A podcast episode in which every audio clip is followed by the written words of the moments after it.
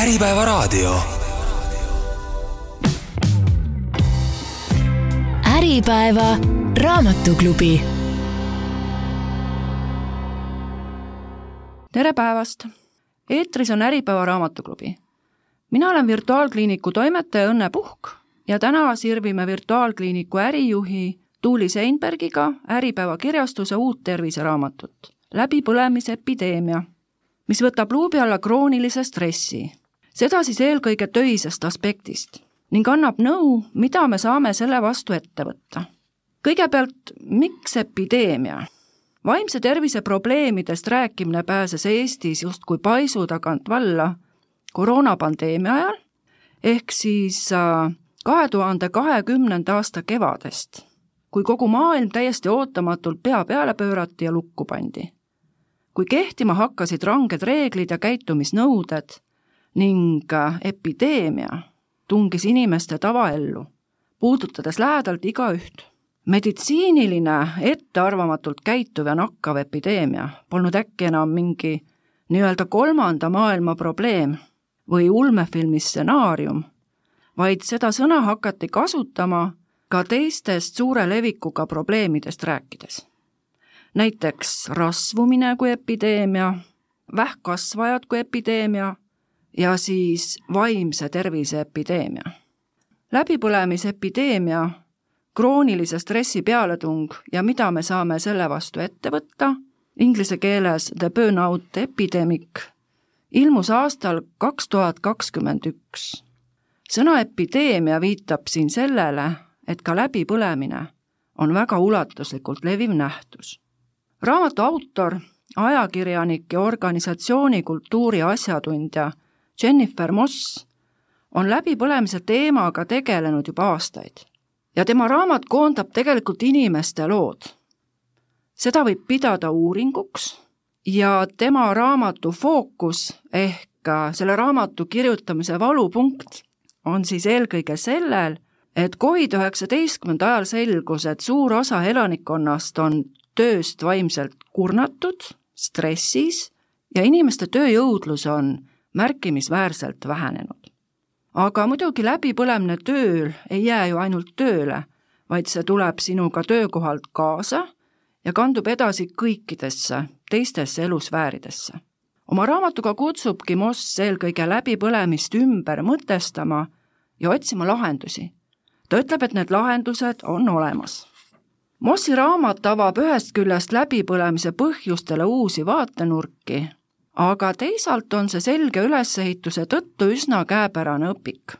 esimeses osas toob autor välja läbipõlemise põhjused ja ka inimesed, kes on sellele kõige haavatavamad teises osas strateegiad, kuidas läbipõlemist ennetada ja sellega toime tulla, ning kolmas osa on väga praktiline nõuandekogumik just juhtidele, kuna nemad saavad väga palju selleks teha, et oma töötajaid hoida ja läbipõlemist ennetada. ja nagu ikka ühes heas teoreetilises käsitluses, on siin ka palju praktilisi nõuandeid. aga alustame siis algusest Jennifer Moss toob sissejuhatuses välja fakti, et Ameerika Ühendriikides tapab läbipõlemine igal aastal umbes sada kakskümmend tuhat inimest. Jaapanis, mis on teadupoolest väga range töökultuuriga riik, on ületöötamise tõttu toime pandud enesetappude arvu vähendamiseks loodud koguni vastavad hädaabiliinid. nii et surm ületöötamise tõttu ei ole mingi nali. aga kuidas on Eestis töise läbipõlemisega lood? kas ka meil võib seda nimetada epideemiaks? mis sinu kogemuse põhjal läbipõlemist eelkõige iseloomustavad?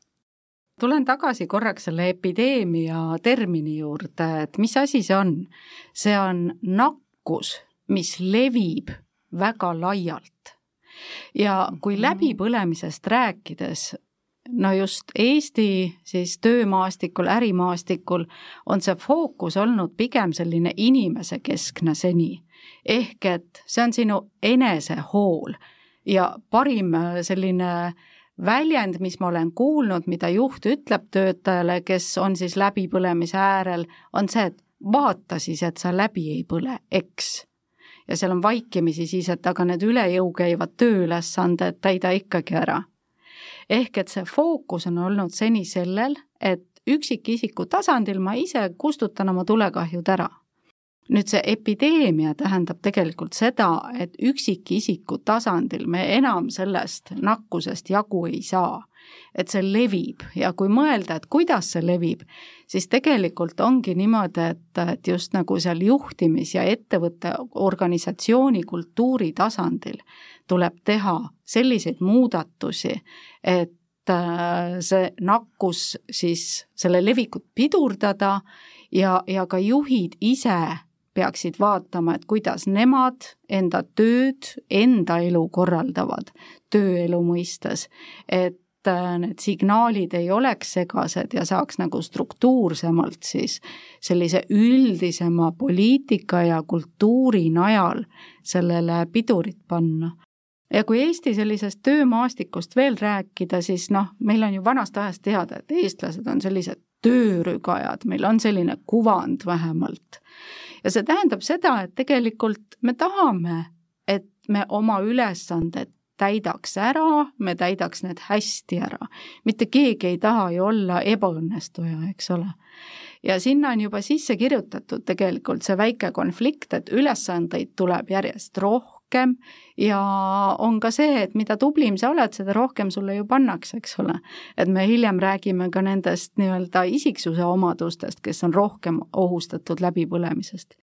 et äh, seega siin on nagu omad sellised äh, struktuursed mustrid, mis tuleks ära tunda ja ka Eesti kontekstis siis äh, neid laiemalt vaadata tegelikult. ja kui ma seda käsikirja üldse sirvisin, et miks ta võiks eesti keeles ja kas ta võiks eesti keeles välja anda, siis just see, mida Jennifer Moss siin välja toob, et siin ei ole enam abi sellest inimese enesehoolest, et ära siis läbi põle pats-pats õla peale, vaid et sellest organisatsiooni kultuuri muutmisest tuleb alustada.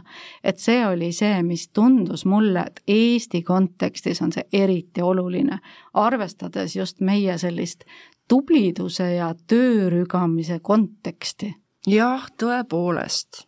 Moss toob oma raamatus välja ka läbipõlemise kuus peamist põhjust, ma loen need korra siin kõik ette ja siis me saame nendest äh, ükshaaval natuke rääkida, sest siin on ka tõepoolest neid teemasid, mis puudutavad Eestit väga aktuaalselt. esimene põhjus, töökoormus, teine põhjus, kontrolli puudumine, kolmandaks, tasu või tunnustuse puudumine, neljandaks, kehvad suhted, viiendaks, õigluse puudumine ja kuuendaks, väärtuste erinevused kui mõned nendest põhjustest on nii-öelda ilmselged, mõned on natuke sellised üldisemad, siis äh, mõnikord Moss ütleb oma raamatus, et tema käest on küsitud seda, et kas nii-öelda läbipõlemise diagnoosimiseks peavad olema siis täidetud kõik need kuus põhjust. ja vastab ise, et muidugi ei pea, piisab ka ainult ühest põhjusest, kui inimene võib läbi põleda pigem tundub mulle ka, et meil siin Eestis siiski siiamaani on suhtutud läbipõlemisse üsna kergelt ja tooni annavad pigem jah, sellised nõuanded, et äh, planeeri paremini aega, õpi delegeerima ülesandeid ja õpi ei ütlema. Moss ütleb selle ei ütlemise peale, et äh, temale isiklikult see ei ütlemise nõuanne üldse ei imponeeri, et kuidas siis eriti eestlastel kujuta nüüd ette töö juures, ütle ei. kuidas ma ütlen ei ülemusele, ei, ma ei taha täna teha, ei, mul on täna paha olla või ütled kliendile, vabandage, ei, ma ei saa, mul pole praegu võimalik. Nende kuue põhjuse puhul, mis Moss välja toob, on näha, et läbipõlemist saaks vist vältida küll. aga nüüd ongi oluline see, et need põhjused tuleb kõigepealt üles leida. millised neist põhjustest on lihtsam ja milliseid keerulisem üles leida. ja kui need on üles leitud, siis kuidas neid on võimalik muuta ja kas neid on võimalik muuta? tundub, et seda, et tööpäevad on pikad, jah, seda on võimalik muuta, et ülemus on liiga nõudlik, noh, nii ja naa, ülemus on töönarkomaan, mm, nii ja naa. ühesõnaga, üldine küsimus on nüüd see, et kas see, mis meid alt veab, on pigem süsteem või see, mis meid alt veab, on ikkagi teised inimesed. No see on üks selline väga oluline küsimus ja väga filosoofiline küsimus tegelikult, et tsiteerides Sartri, kes ütles kunagi oma raamatus Iiveldused põrgu, see on teised, eks ole, aga tegelikkuses on ikkagi see, et ka selle keskkonna, mis meie ümber on ja ka töökeskkonna loovad inimesed ei ole olemas sellist asju, asja nagu iseseisev organisatsiooni kultuur.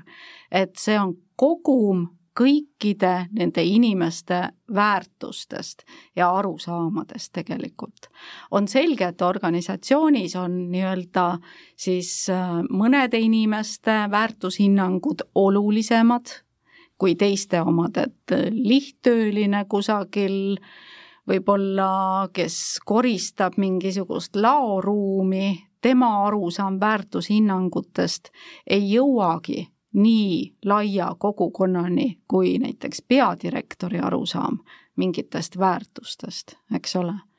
aga igal juhul on see selline inimestepõhine, aga jällegi, et millised väärtused on need, mida siis rohkem esile tõstetakse ja siin on nagu järgmine probleem tegelikult, et tihtipeale ka Eestis juba edumeelsed ettevõtted räägivad äh, väga palju siis oma organisatsiooni kultuuri väärtustest ja organisatsiooni kultuurist, et meie oleme sellised ja sellised, pannakse koosolekuruumidesse plakatid, julgustatakse inimesi oma vaimse tervisega tegelema, luuakse isegi tingimusi, et joogaklassid Zoomis, meil Äripäevas on siin allkorrusel rahuruum, kus sa saad korraks olla.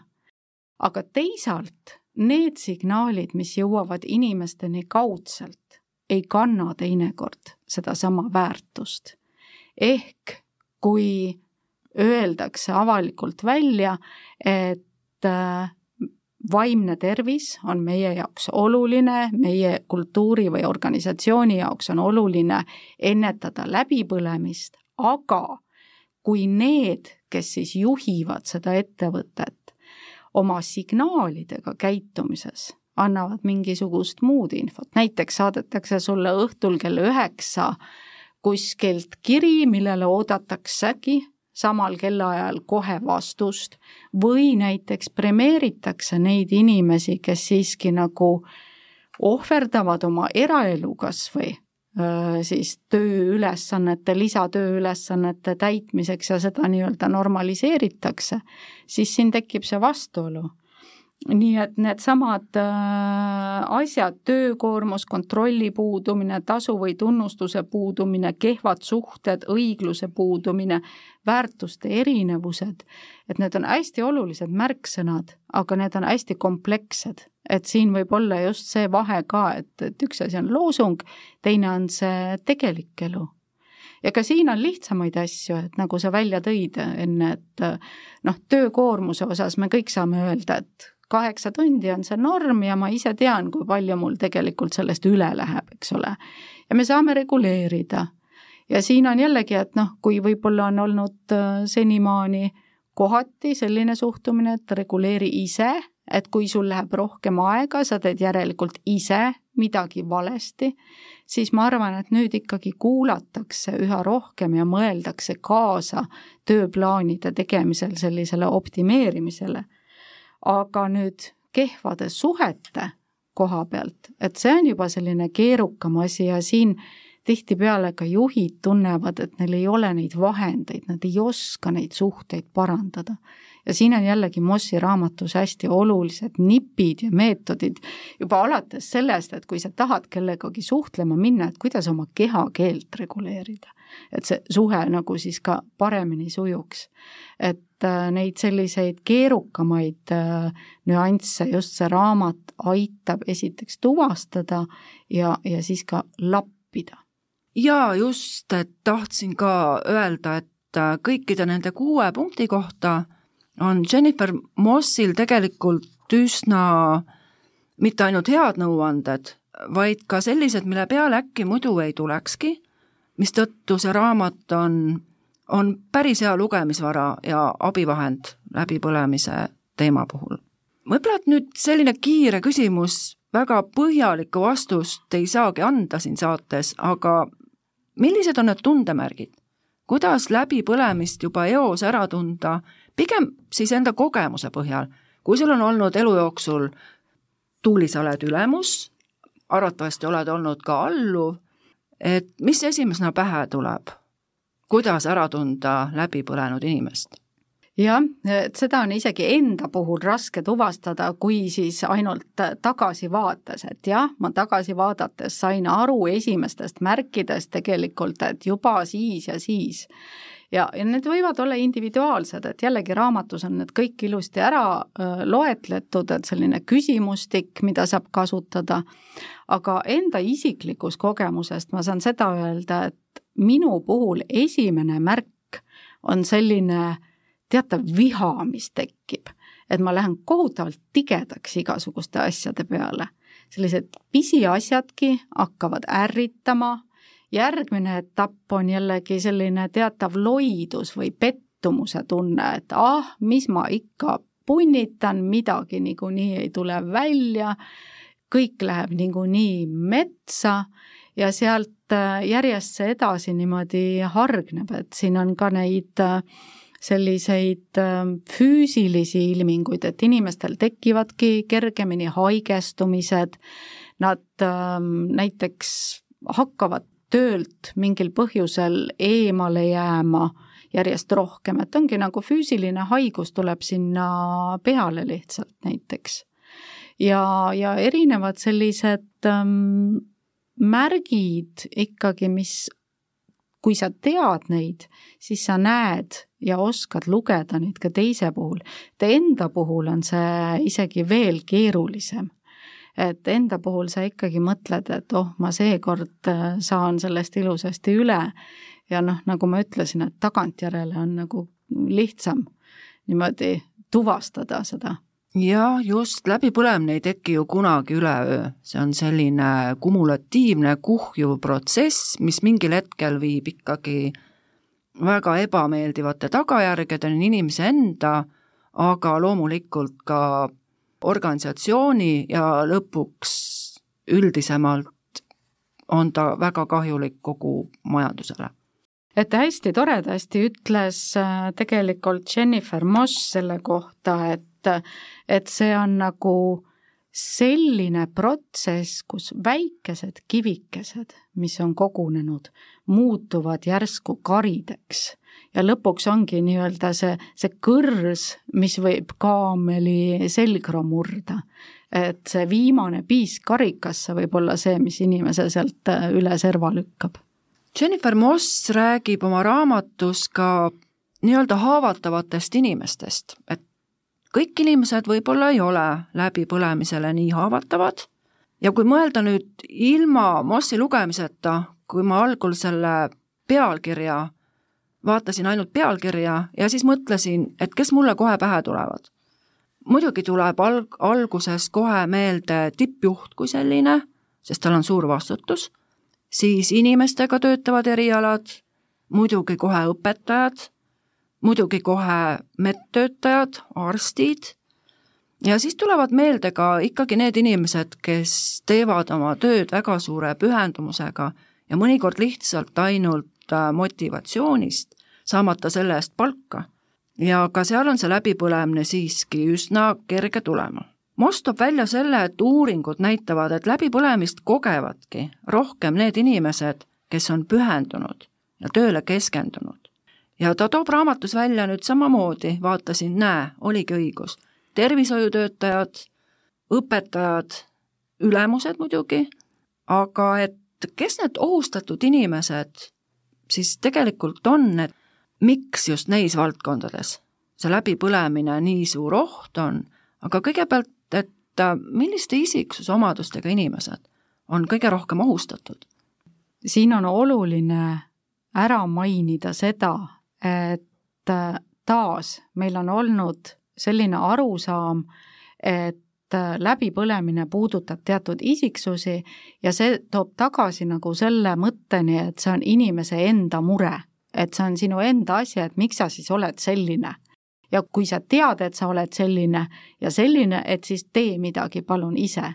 et Mossi puhul on see, et ta toob küll välja need ohustatud isiku omadused ja ohustatud isiksused, sest seda on oluline teada, aga samas jällegi ma toonitan, et ta mitte mingil hetkel ei pane seda vastutust nendele inimestele, vaid vastutus siis jaguneb niimoodi, et kui me juhtidena teame, et meil mingeid teatud tööülesandeid täidavad inimesed, kes on ülitublid, nad on perfektsionistid, või on mingil ametil introverdid?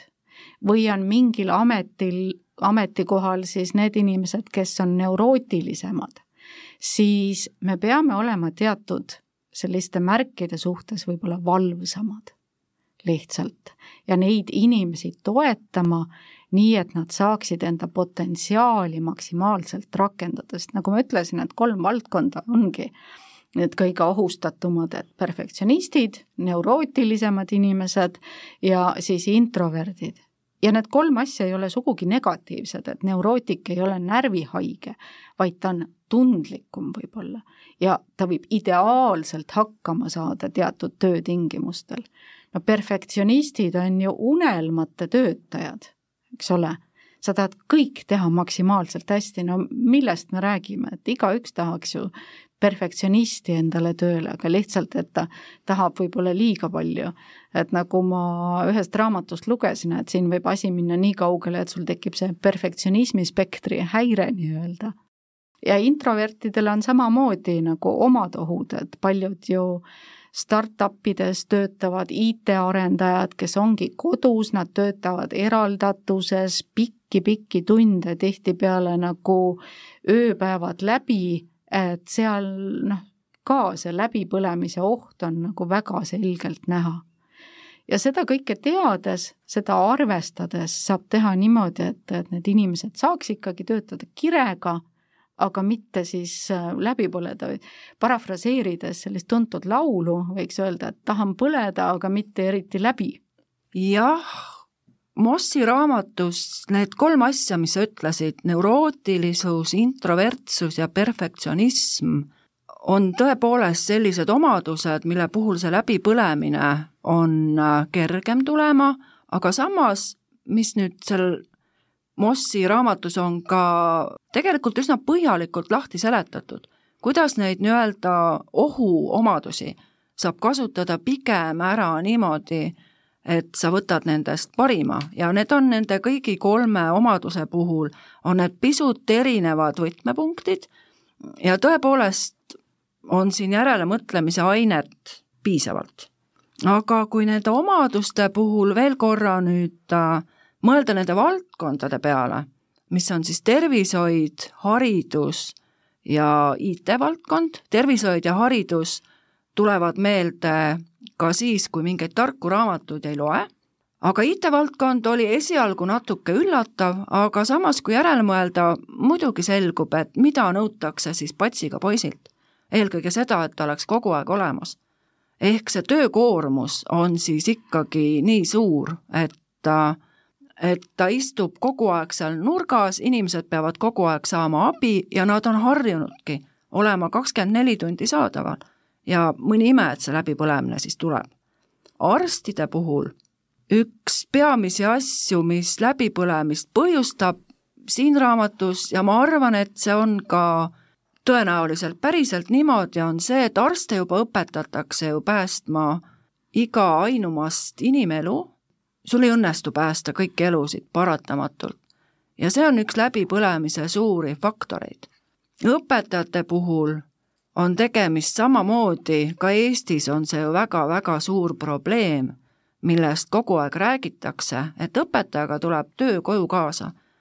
õpetaja töötunnid ei ole paraku üldse sellised, mille eest ta konkreetselt palka saab. ja siin, kui nende kuue põhjuse juurde tagasi minna, tasu või tunnustuse puudumine, mis on siis eelkõige õpetajate ja haridustöötajate töös üks selle läbipõlemise väga suuri põhjusi ja seal isegi mitte ainult organisatsiooni kui sellise tasapinnal, vaid paraku ka riigi tasemel. üks Mossi raamatu olulisi osasid on nüüd see lahenduse otsimise pool, ehk siis strateegiad, kuidas läbipõlemisega võidelda. sageli ei ole juhina ju lihtne aru saada, milles probleem seisneb. isegi, kui sa soovid aidata oma meeskonnal paremini toime tulla Moss ütleb, et tema raamat räägib läbipõlemise täielikust ümbermõtestamisest. ja siin nüüd tundub, et kohati on tegemist nii-öelda väga naiseliku vaatepunktiga. kui muidu juhtimiskultuur ja strateegiad kipub olema ikkagi väga mehelik ja edukeskne valdkond, siis äh, tema tõstab esile ühe väga olulise märksõna, milleks on empaatilisus. kas pole nii, et empaatilisust peetakse rohkem naiste omaduseks? et siin on oluline nüüd lahti seletada, mis asi see empaatia on, kas see on see, et ma kuulan sind, pisarad hakkavad silmist jooksma, mul on sinust nii kahju, ma lähen koju ja nutan veel ühe peatäie. ja kas empaatilisus on edu vastand? ei ole ju empaatilisus tegelikkuses ja siin Mossi raamatus ka, nagu see on välja toodud, on oma olemuselt kuulamisoskus, et ma olen sinu jaoks olemas. ja see taju kogu ettevõtte töötajate jaoks, et tõepoolest äh, nende juhid on nende jaoks olemas. Nad on valmis nad ära kuulama ilma hinnanguid andmata. et see on see empaatia ja ma ei arva sugugi meessoost nii halvasti, et ma arvaks, et mehed ei ole selleks võimelised. on väga hästi ja siin on üks nüanss, mis tuleb meeles pidada, et kui sa teist kuulad, siis kuula, mitte ära mõtle oma järgmist vastust või enda monoloogi, vaid tõepoolest, isegi kui sa ei oska midagi öelda, siis kas või täna, et aitäh, et sa jagasid seda muret aitäh selle usalduse eest, ma mõtlen selle üle, siin on noh, neid selliseid praktilisi nippe hästi palju tegelikult ära toodud tõepoolest, et kui ei oskagi kuidagi käituda või noh, võib-olla meestele on omasem see, et ma kuulen probleemist, ma tahan kohe hakata lahendusi pakkuma. et äh, siin on oluline, et tihtipeale ei olegi vaja lahendust, inimene võibki jõuda ise sellele lahendusele või see võib sündida arutelu käigus, aga kui sa hakkad ise intensiivselt lahendust pakkuma ja enda sellist vaadet peale suruma, et see ei ole see empaatia. mina soovitaksin seda raamatut seepärast just eriti meestel lugeda ja, ja kõikidel nagu meessoost juhtidel, et olgu siis tippjuhid, personalijuhid, ka tavalises pere kontekstis tegelikult kehtivad needsamad asjad lastega näiteks, et see empaatiline kuulamine, et see on nii suur selline kultuuritegur nii ettevõttes kui perekeskkonnas. jah, just organisatsiooni kultuur ei seisa ju tegelikult kuidagi täiesti lahus muust kultuurist. nüüd jõuame äkki ka rääkida siis ülemuse eeskujust, et kuna läbipõlemisel on ülemusel suur roll ja ülemuse üks äh, ülesandeid on ka oma töötajaid motiveerida. Moss juhib tähelepanu sellele, et juhid küll sageli räägivad positiivsest mõtlemisest, inimeste väärtustamisest, aga samas, kui saata juht koolitusele, siis ta pigem ei kipu sellest osa võtma. kuidas saab juht olla suunanäitaja? siin on Mossil jällegi välja toodud selline oluline asi, et kui sa tahad kedagi teist aidata, siis kõigepealt aita iseennast. ehk siis äh, juhtimise puhul ma siin ei kasutaks üldse sellist paari nagu ülemus ja alluv, äh, mil tänapäeva ettevõtluskultuuris on ikkagi nagu ollakse kolleegid, üks on natukene teistes ülesannetes, teine on teistes rollides, et äh, juhi roll siis ongi seda kultuuri tooni sellise dirigendina timmida ja selleks, et ta seda saaks hästi teha, peab ta enda sisemise sellise häälestatuse paika timmima ja kui ta seda teadvustab lihtsalt, et see on vajalik, et sõna juht tähendab juhtimist, ka siis sellises isikuomaduste ja üleüldse nagu sellises inimlikus plaanis tegelikult, et vaata kõigepealt ennast ja siis vaata, mida sa enda ümber kiirgad. et äh, kas see on see empaatia, kas see on see eeskuju, mida võiks sinult võtta. ja siin on just see, et ta ütlebki, et äh, näiteks lennukites, et hapnikumask. Kõigepealt pane endale ette ja siis vaata, äh, keda sa aidata saad, eks ole, et just see, et juht peakski nendel kursustel käima, kui ta tunneb, et ta ei tule toime, see teema on tema jaoks võõras, et see hapnikumask sellega kõigepealt endale panna, ennast toita, et oleks nii-öelda hea vaimse tervise juures, sest siis on jaksu ka laiemalt vaadata. üks olulisi märksõnu empaatia kõrval on Mossil ka uudishimu milles ta ka kirjutab natuke sellises äh, uudses vaatepunktis. me oleme harjunud sellega, et äh, uudishimu on lihtsalt inimesele kaasasündinud omadus, aga ta toob siin välja praktilised harjutused, et uudishimu on võimalik ka arendada. soovitan need harjutused raamatust üles otsida ja proovida Moss ütleb, et läbi uudishimuliku käitumise soodustamise saame me õppida paremini tundma nii üksteist kui ka iseennast. ja ühtlasi muidugi arendab see empaatiavõimet, ehk uudishimu on supervõime, mida kasutada. Ja tal on raamatus välja toodud kaks konkreetset harjutust, esimene on reflekteerimine ehk peegeldamine, see eeldab siis nagu teatud päeviku pidamist ja läbimõtlemist, et millised on need takistavad tegurid. Nende kirjapanek aitab hoida uusi viise uudishimulik olemiseks. ja teine harjutus on siis ümbermõtestamine, mis siis lõppkokkuvõttes peabki viima selle läbipõlemisele täiesti uudse vaatepunktiga lahenduse otsimisele. Jah, see ümbermõtestamise harjutus mulle väga meeldis, sellepärast et see on võib-olla ka sellistele meessoost juhtidele arusaadavam ja selline asi, millest alustada, et see on selline äriline harjutus tegelikult. Moss soovitab siin võtta ühe ärilise küsimuse või probleemi, siis kutsuda kokku koosolek, kus seda siis tutvustatakse ja siis antakse aega kõikidele kohaletulnutele see probleem ümber mõtestada.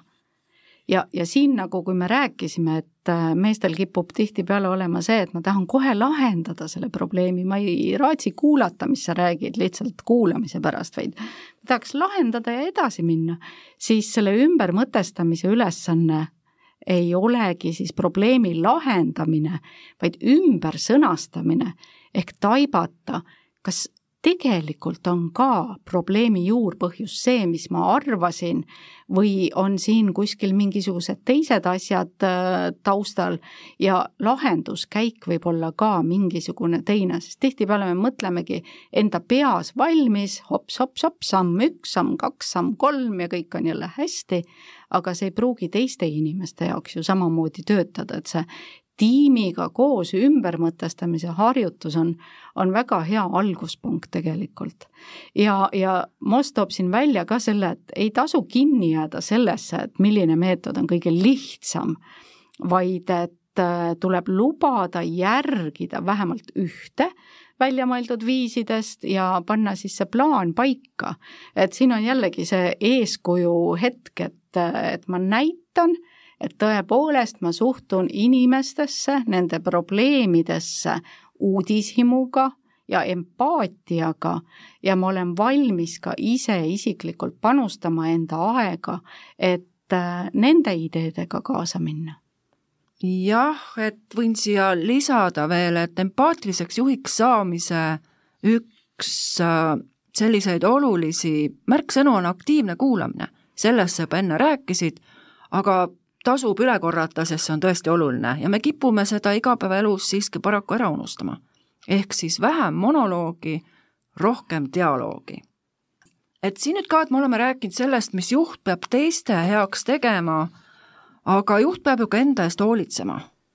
juht saab aidata oma töötajatel läbipõlemist ennetada, aga mida ta saab ise teha, et ta ise läbi ei põleks? et kuidas ta saab enda eest hoolitseda kuidas ta saab olla õnnelik, terve, tulemuslik, tundub natuke nagu juhile seataks liiga suuri nõudmisi jah, nagu ma enne ütlesin, et siin on jälle see hapnikumaski võrdlus, et kõigepealt endale hapnikumask ette ja, ja siis vaadata, et mis, mis edasi saab, sest et kui ise hakkad tundma, et appikene, et kas mina nüüd olen see ilmasammas ja kõik sõltubki minust, et see on teistpidi, viib jällegi juhi läbipõlemiseni ju. Moss siin peatükis, mis räägib enesehoolest juhtide puhul et siin jällegi ma alguses ütlesin, et see, kui meil oli varasem arusaam, et ongi ainult enesehool, aga siis lõppude lõpuks on see organisatsiooni kultuur ja üleüldine suhtumine, mis loevad, et siis noh, see, see väike pisku enesehool peab alati ka olema, aga see ei ole nagu selline kõige olulisem, aga juhtide puhul siis toob Moss välja, et on vastupidavus. Selline oluline psühholoogiline oskus, mis peaks olema ja seda saab arendada. et kui seda ei ole nii eriti väga, siis ei ole hullu teadlikkusega, jällegi, kui ma tean, et mul on seda vaja, ma saan seda hakata niimoodi vaikselt kasvatama. ja, ja vastupidavad juhid, siis Mossi sõnud, see ongi kõrge emotsionaalse paindlikkusega ja suudavad teha ka kannapöördeid, ehk siis reageerida kiiresti muudatustele ja jääda pingelises olukorras rahulikuks, üles leida need äh, kriisi positiivsed küljed, edasi liikuda, toibuda, tagasi tulla, nad on sellised paindlikud, aga tugevad samas. et ähm, neid enesehoole selliseid analüüsiharjutusi on siin ka ja üks soovitus, mis siis ongi äh, Mossil toodud, on see, et kui juht vaatab enda tööd, siis võiks mõelda, et millised omadused annavad tööle tähenduse, et millistel viisidel juht enda motivatsiooni puudusega toime tuleb, mida ta teeb, mida ta armastab oma juhi rolli juures just nimelt. ja kuidas ta on otsustanud oma meeskonnale eesmärke anda ja milline tähendus peaks olema tööl juhi arvates siis kollektiivil ehk siis tema kolleegidel. igasugune areng tegelikult algab teadlikkusest, et ma kõigepealt teadvustan, kus ma olen, mis on need probleemkohad, ma kaardistan need ära enda jaoks, siis hakkan nendega tegelema ja jällegi me jõuame tagasi, kui me rääkisime siin, et see väikestest kivikestest võivad kasvada karid siis ka teistpidi on need sellised eesmärgistatud tegevused parema ja empaatilisema ja uudishimulikuma juhtimiskultuuri suunas annavad ka sellised nagu kontsentrilised ringid, mis järjest laienevad. ma alustan alati endast, ma lähen edasi. et äh, kui töötaja tasandil me ei saa öelda, et, et kuule, et katsu mitte läbi põleda, et tee kõik ülesanded ära, aga, aga siis äh, vaata, mis sa ise teha saad, et noh, sinu mure, siis juhtidena me peame mõtlema ikkagi enda enesehoole peale ja, ja seda nagu laiemalt siis vaatama ja, ja seda sellist vaimse tervise olulisust ja hoolt ja kultuuri oma isikliku eeskujuga tegelikult edasi kandma ühelt poolt on see jällegi nagu lisavastutus, eks ole, aga teistpidi ma usun, et kui sellega juht tegeleb, siis see on ikkagi ka talle kui isiksusele ja inimesele selline mõnus arenguteekond. ta on vajalik, aga ta on ka kasulik. ja Moss rõhutab, et empaatia on see, mis tegelikult loob usaldust. ja sellega on seotud ka see, et mõnel juhil on raske lahti lasta kontrollimisest aga väga paljud uuringud on tõestanud siiski seda, et kui anda töötajale suurem autonoomia, siis see toob ühest küljest kaasa suurema usalduse, aga see suurendab ka sisemist motivatsiooni ja lõppkokkuvõttes toob see paremaid tulemusi. kui töötaja on, saab rohkem kontrollida oma ülesandeid ja oma valdkonda, mitte see, et juht kontrolliks neid, vaid see kontrollimehhanism on antud rohkem nagu töötajate endi kätte, siis nad on motiveeritumad. ja ei ole nii, et kuulekus või hirm tooks häid tulemusi, vaid ikkagi see, et peab olema individuaalne ja kollektiivne kirg. kellegi sundimine tekitab lihtsalt stressi, et tark juht leiab need mehhanismid üles, mis töötajat motiveerivad jaa, ja lõpetuseks ma tooksin välja ühe uuringu, mis siin raamatus oli kasutusel või millele viidati, et siin oli Gallupi ülemaailmne küsitlus, kuhu kaasati kaheksateist miljonit töötajat ja mille põhjal pandi siis kokku tõenduspõhised soovitused, kuidas juhid saaks luua parema heaolu strateegia, seda nii endale kui ettevõtetele. ja number üks kõige olulisem siin oligi, seadke paremate juhtimisoskuste ja eriti empaatia arendamine oma organisatsiooni prioriteetide seas esikohale. ehk mitte järgmise aasta majandustulemused, vaid just nimelt paremad juhtimisoskused, empaatia arendamine, sest kui need on paigas, siis tulevad ka tulemused, sest töötajad on rõõmsad, terved ja nende motivatsioon neid muid eesmärke täita on ka parem. ja muud on siin ka, et rõhutage kindlasti positiivset panust vastastikuse tunnustamise programmidega või mis iganes meetoditega, looge kaasavamaid motivatsioonipakette ja viimane, kuid mitte kõige vähema tähtsusega on see, et seadke eraelu tööelust tähtsamaks. et see on oluline punkt, et mis on ka isikliku eeskuju äh, siis osas oluline, et tuleb nagu ikkagi ka enda käitumist jälgida, et mitte õhtul kell üheksa saata töötajatele meile, mida on raske teinekord jälgida ja millest kinni pidada. nii et noh, mina ütleks küll kokkuvõttes, et, et sellest raamatust on niivõrd palju abi igale töötajale ja ka igale inimesele, sest tõesti, nagu ma ütlesin, et siin on ka pere kontekstis tegelikult väga palju kasutada neid nippe jah, et Mossi raamatust jäi kõlama siis eelkõige kaks märksõna, milleks on empaatia ja uudishimu. lõpus ütleb ta, et, et me kõik püüdleksime täisväärtusliku töökeskkonna ja tuleviku poole, kus läbipõlemist ei eksisteeri. see nüüd küll tõenäoliselt võimalik ei ole, aga kas siiski? Häid sihte peab siiski olema. ja et mina soovitan seda raamatut küll lugeda, sest ta aitab tegelikult uudsete vaatenurkadega mõelda nii läbipõlemisele kui ka oma igapäevasele töötamisele. ja raamatu Läbipõlemisepideemia leiate aadressilt pood.aripaev.ee. head lugemist ja põlege siis, aga mitte läbi. head lugemist